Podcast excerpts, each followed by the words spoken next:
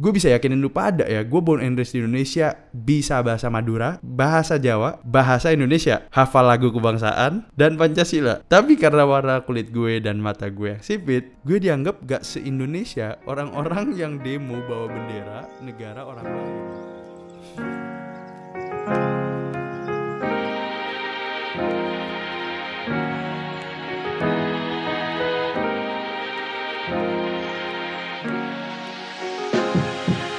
Hi everyone, welcome back to pada suatu ketika season 1 episode 33 Nah sekarang lagi sama Hosu Andre yang bakal cerita tentang sebuah isu yang kita udah diskusikan Enggak sih, sebenarnya gue nggak nggak nggak actually ngomong kita bakal ngomong apa di speak, right? Tapi ya, oke, okay, ini isu lumayan sensitif. Jadi lu pada tolong dengerin sampai kelar kalau bisa. Kalau bisa podcast yang lain juga biasain dengerin sampai kelar. uh, so ya yeah, kita langsung masuk aja nih kita nggak banyak cincong karena isunya lumayan uh, padat banget oke okay? jadi pada suatu ketika gue waktu itu jalan sama temen gue tepatnya minggu lalu ya kan gila men itu TP macet banget tunjungan plaza tuh macet banget kalau pada di Surabaya ah, entah kenapa entah kenapa terus habis gitu gue ngobrol sama so, salah seorang temen gue ngobrol lumayan panjang berapa berapa berapa gue nggak ngerti gimana ceritanya tiba-tiba kita bicara tentang temen dia dia punya temen namanya Christian something uh, Chinese Indonesian tapi KTP-nya Islam. Jelas-jelas namanya Christian something or or Christopher I think.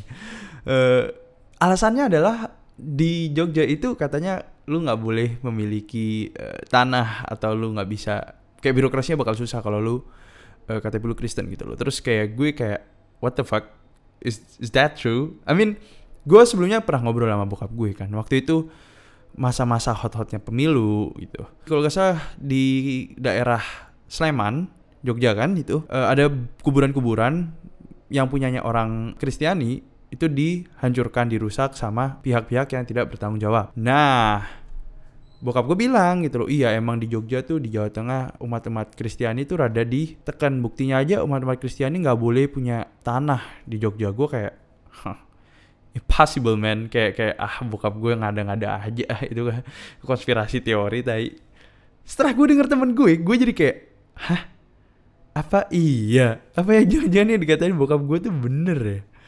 Akhirnya gue google akhirnya gue research do some research kan ya. Dan ternyata itu bener men.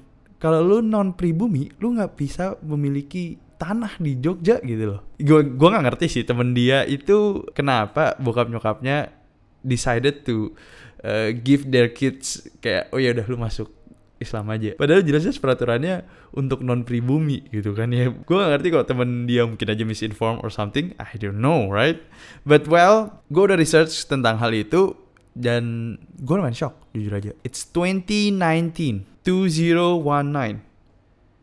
Yang di mana LGBTQ udah ditegakin, emansipasi wanita digencar-gencarnya, HAM mulai ditegakkan lagi di mana-mana, orang-orang mulai sadar climate change, dan ada satu daerah di Indonesia yang tidak memperbolehkan suatu golongan untuk mendapatkan hak kayak yang sama sama yang lainnya gitu. Dan waktu itu gue langsung, jadi abis gue research gue langsung ngobrol sama salah seorang temen gue, dia orang Jogja, enggak sih dia orang Klaten sih actually. Tapi Klaten tuh deket Jogja dia SMA di Jogja. Dan gue ngobrol sama dia dan gue tanya tentang hal ini dia sendiri bilang gue gitu sultan-sultannya itu padahal banyak loh temennya tuh yang orang Cina itu lah orang keturunan Tionghoa. Tapi entah kenapa kita udah ngerasa biasa banget dengan peraturan yang ada, makanya kita nggak gitu ngurusin. Udah udah orang-orangnya udah ya peduli amat gitu loh. Kalau dibilang sultannya benci juga enggak, teman-temannya banyak yang orang Tionghoa. Dia sendiri nggak ngerti alasannya kenapa itu. Jadi sebelum kita lanjut lebih dalam tentang cerita ini, eh, seru kan cerita gue kan. Gue kalau milih topik tuh selalu seru-seru cuy. Asik, tahi. Jadi sebelum kita masuk, gue mau jelasin ke lu pada asal usul peraturan ini. Menurut gue ini important AF to know kayak kenapa sih peraturan ini di, diadain gitu kan. Jadi asal usulnya dari sini. Sultan Hamengkubuwono IX kala itu, ini gue dapet dari Kompas, uh, Kompas, Detik, uh, dan many other news site gitu terus gue summarizein buat lu pada kan ya jadi lu pada yang gue tahu lu pada lagi males buat Google jadi tenang aja ini udah cukup informatif kok Sultan Hamengkubuwono IX kala itu menerbitkan surat instruksi wakil gubernur DIY tentang larangan kepemilikan hak atas tanah bagi warga non pribumi oke Jadi sejarahnya sendiri itu dimulai dari Hindia Belanda. Kalau lu pada nggak tahu Hindia Belanda itu Indonesia. Jadi saat itu dipimpin oleh gubernur uh, Mr. Inde Herman Willem de Tulstein. ya itulah namanya susah banget ya. Ya tahun 1808 sampai 1811. Jadi sorry banget kalau gue salah uh, pronounce ya.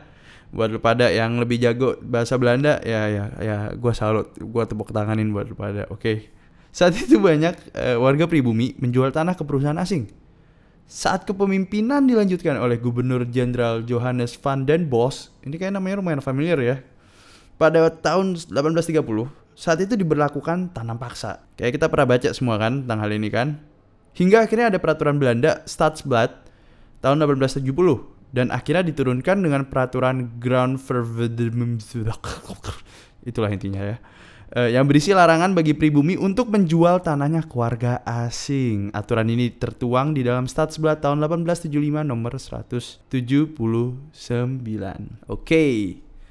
Jadi ini peraturan sebenarnya udah ada di zaman Belanda kan ya. Tapi ditekankan lagi pada tahun 1975. Uh, itu ada namanya instruksi 1975.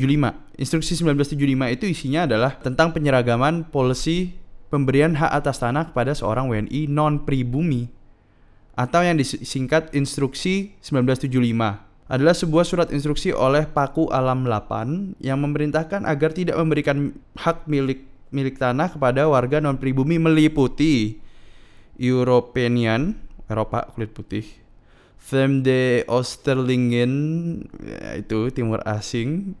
Kok gue sosokan bisa bahasa Belanda gitu tadi pakai vem gitu tadi yang meliputi orang-orang Tionghoa Arab India maupun non Eropa lainnya di daerah istimewa Yogyakarta. Dan hanya boleh diberikan hak guna. HGB bukan seperti sistem sewa. Kalau sewa kan nggak boleh dijadikan jaminan atau uh, dialihkan gitu. jadi salah gue gue gue pingin make sure tentang hal ini gue researchnya dalam banget. Jadi gue tanya banyak hal. Uh, shout out buat teman gue William dia seorang notaris muda. Jadi gue tanya dia tentang tentang hal ini gitu. Jadi dia bilang ke gue gue nanya dia sih actually Will uh, hak guna bangunan itu apakah sama sama surat hijau? Gitu. Beda ya. Terus dia jelasin ke gue bahwa surat hijau dan uh, hak guna bangunan itu beda itu anggapannya kalau misalkan surat hijau itu anggapannya surat sewa sama pemerintah kota jadi kita seakan-akan sewa tanah ke pemerintah kota gitu loh. Kalau HGB tergantung di atas tanah apa dulu. Kalau HGB murni berarti ya kamu punya hak atas tanah buat bangunan suatu gedung di atas tanah itu. Bisa kamu alihkan tanpa izin siapa-siapa, masa berlaku sertifikat 20 tahun, eh 30 tahun, bisa dipanjang 20 tahun. Jadi ngerti nggak hak, hak HGB itu apa? Jadi pada mereka tuh nggak warga keturunan tuh tidak boleh punya sesuatu bar kayak kayak oke okay, gue punya tanah ini gue bisa ngelakuin apa aja gitu nggak bisa itu nggak bisa. Kalau lu warga non pribumi gitu. Jadi mengerti kan HGB gimana? Kalau nggak ngerti tolong google sendiri. Gue capek jelasinnya lagi. Oke kita lanjut lagi. Jadi salah seorang profesor di Universitas Besar di Yogyakarta bilang kalau menurut ini bilang ya bilang gini, gua quotes nih. Kalau menurut saya, apakah itu bertentangan dengan HAM? Secara yuridis penggolongan ada. Tetapi kok gue sosokan niruin ada dia sih gue bingung. Oke, tapi dari konvensi internasional HAM diratifikasi pemerintah Indonesia diatur diskriminasi positif. Artinya pemberlakuan diskriminasi untuk menghilangkan diskriminasi yang sudah ada yaitu penderitaan masyarakat Indonesia khususnya golongan kelas 3. Dulu kelas 1 itu golongan Eropa. Kelas 2 golongan kulit kuning. Dan ketiga, golongan kulit kuning berwarna atau masih miskin. Oleh karena itu, dasarnya kemiskinan. Well, entah kenapa gue niruinnya pakai gaya-gaya songong gitu, gue nggak ngerti kenapa. Itu cuma yang ada di otak gue tiba-tiba. Jadi, apakah diskriminasi positif itu beneran ada? Emang beneran ada? Positive discrimination ini gue bacain ya, posi artinya positive discrimination itu positive discrimination is the practice or policy favoring individuals belonging to groups known to have been discriminated against previously atau biasanya disebut affirmative action. Jadi hmm, apakah jadi lu pada ngerti kan tentang hal ini kan? Jadi orang dulu mereka tertindas dan untuk menyamakan menyetarakan hal ini karena well gap yang terlalu jauh itu harus kita mendiskriminasikan golongan satunya. So is positive discrimination okay and acceptable? Question mark. Okay, in my opinion, okay, in my opinion, it's not okay. It's not okay. Oke, gue jelasin kenapa gue nggak setuju sama positive discrimination ini. Jadi gue bacain dulu dari uh, surveinya PSK Podcast. Lu pada bisa follow IG-nya PSK Podcast. Perlu gue ulang tiga kali nggak kayak biasanya? uh, yes, jadi gue kemarin harus survei hari Senin. Terus kayak gue kasih pertanyaan gitu. Tiga pertanyaan, satunya gue sembarangan, duanya serius. Jadi gue bilang gini, ah untuk potes minggu ini butuh beberapa masukan dari kalian berhubung topiknya sangat sensitif, emot. Mohon dijawab sejujur-jujurnya tanpa harus memikirkan secara politis benar atau salah. Warga keturunan Chinese Indonesian lebih makmur secara finansial daripada pribumi. 78% bilang true, 22% bilang false. Dari 86 orang. Positive discrimination, discrimination towards Chinese Indonesian should be acceptable due to the staggering wealth gap between Chinese and Indonesian descent. Oke, okay, dari yang ini itu ada sekitar 50 65 orang. Dari 65 orang, 60% bilang no. Jadi 60% bilang nggak nggak setuju gitu. Jadi eh, secara survei itu banyak orang yang percaya bahwa orang Cina Indonesia 78% uh, pendengar gue itu percaya bahwa Cina-Cina Indonesia itu tajir-tajir. Jadi udah ada kayak semacam di brand gitu loh orang Cina Indonesia itu lebih lebih tajir. Dan uh, gue tanya apakah positive discrimination ini sebenarnya oke-oke aja. Gue yakin pendengar gue nggak ada yang ngerti positive discrimination tapi mereka cuma pecat aja. Wah, diskriminasi pasti jelek jadi. Ya apalagi Cina-Cina yang itu aduh satu golongan. Udahlah, hell no.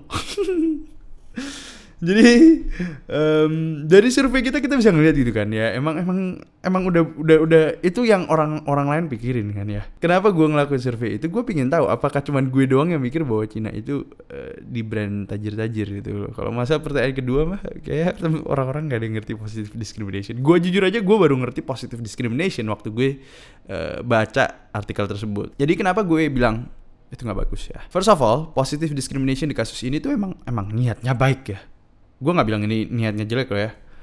Uh, berupaya untuk mempersempit wealth gap yang jadi alasan utama kesenjangan sosial. Kita semua tahu gitu karena kapitalisme yang tajir semakin tajir yang miskin semakin miskin pasti ada kesenjangan sosial kan ya. Tapi sebenarnya menurut gue ini hal menimbulkan efek negatif di pihak yang merasa dirugikan.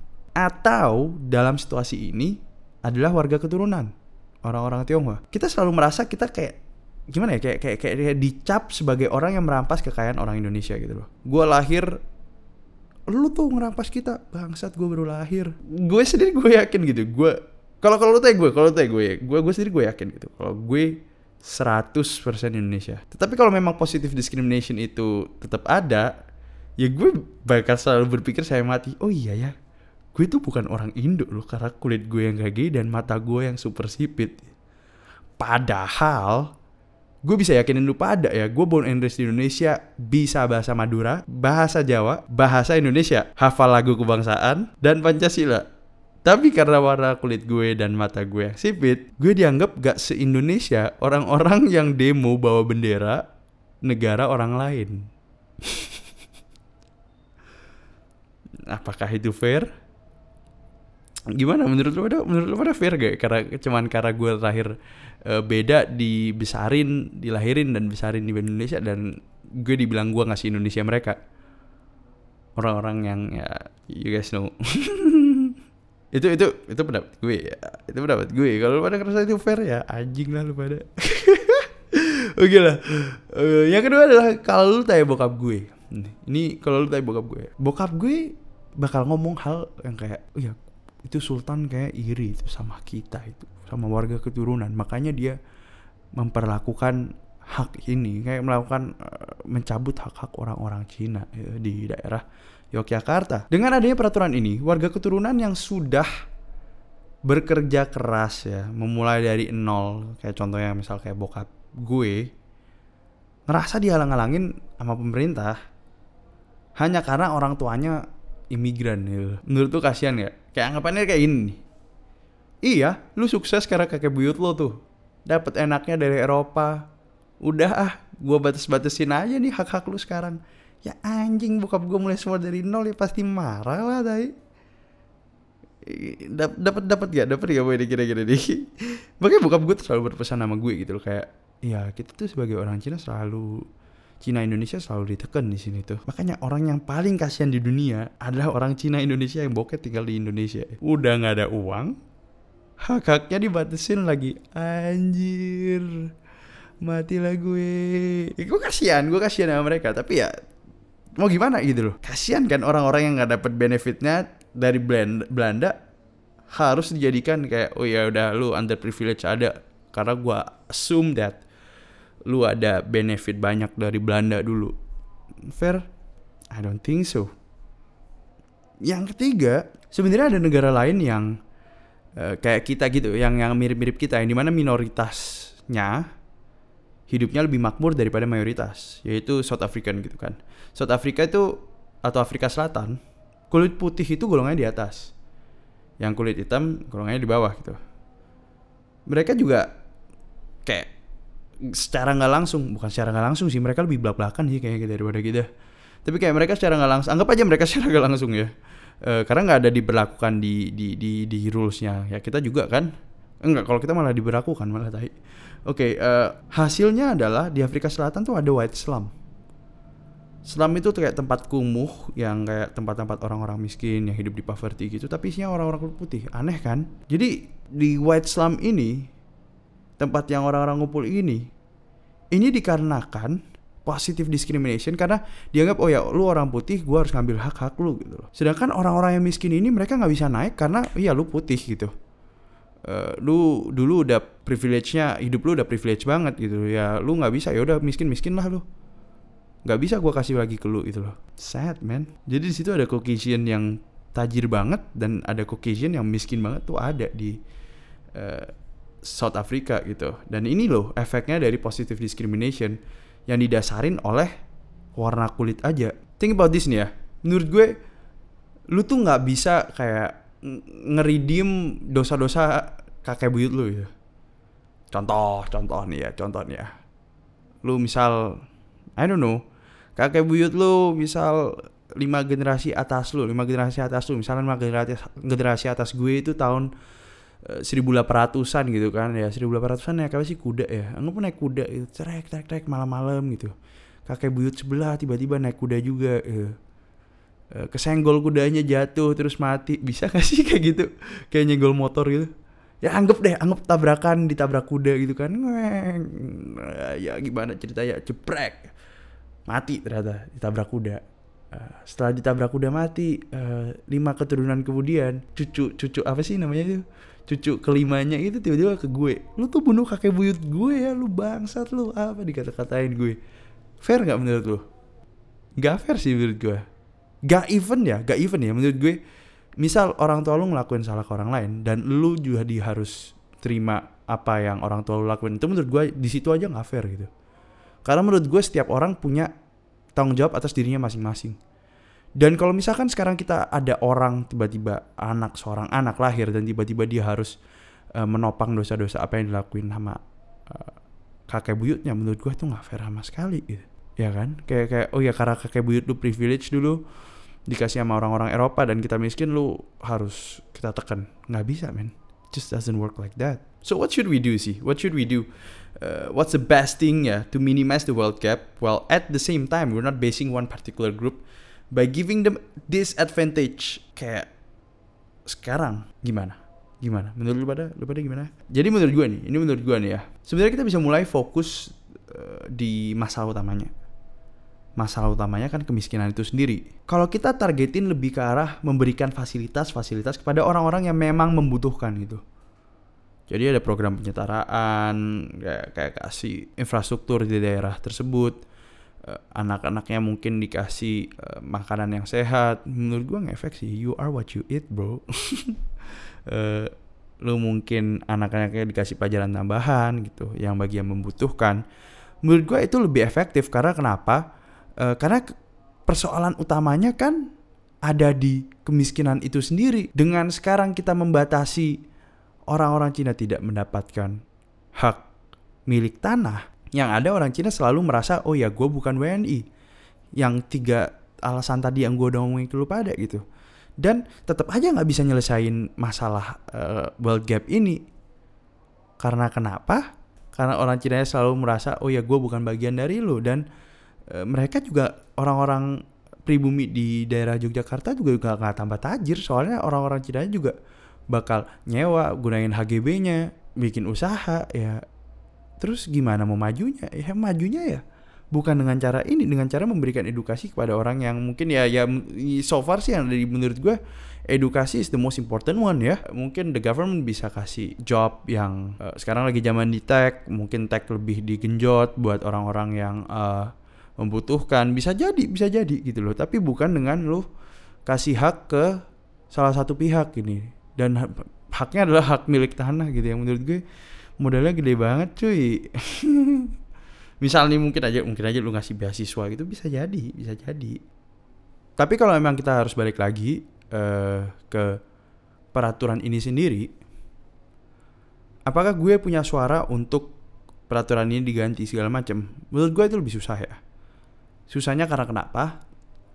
Jogja sendiri itu kan daerah istimewa Yogyakarta in which daerah ini sendiri punya kewenangannya mereka sendiri yang anggap anggap aja kayak gini Eh, mereka itu sebuah negara di dalam negara.